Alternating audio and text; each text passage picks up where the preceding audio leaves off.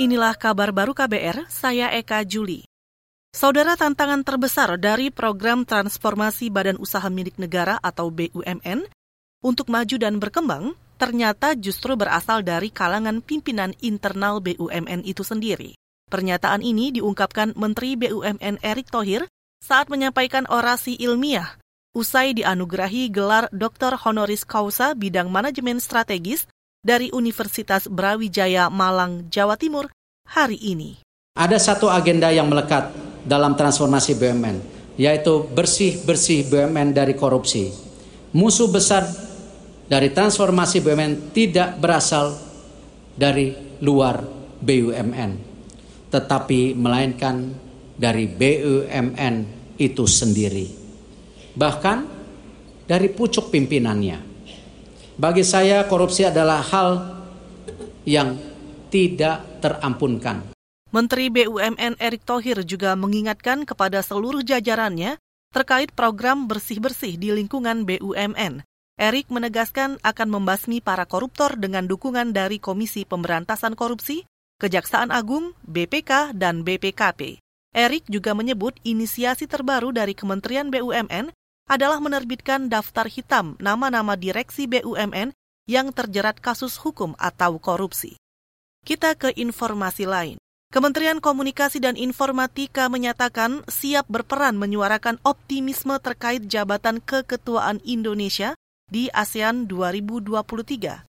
Direktur Informasi dan Komunikasi Politik di Kominfo, Bambang Gunawan mengatakan, Strategi komunikasi untuk menyuarakan optimisme itu adalah dengan menyebarkan konten bermanfaat dan mudah dipahami masyarakat.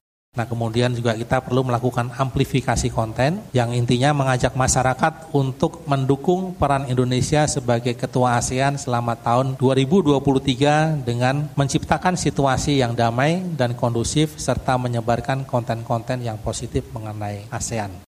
Direktur Informasi dan Komunikasi Politik di Kominfo Bambang Gunawan juga menambahkan, kementerian akan bekerja sama dengan media cetak dan elektronik serta mengoptimalisasi kanal-kanal informasi komunikasi milik kementerian.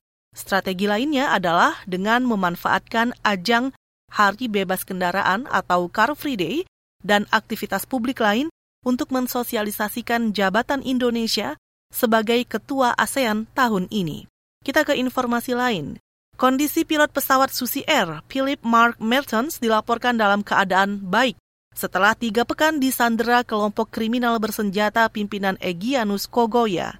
Pernyataan itu disampaikan juru bicara Polri, Dedi Prasetyo, berdasarkan hasil komunikasi tim penyelamat pemerintah daerah. Dedi juga kembali menegaskan Polri bersama Satgas Damai Kartons mengedepankan upaya dialog dalam membebaskan pilot berkebangsaan Selandia Baru itu.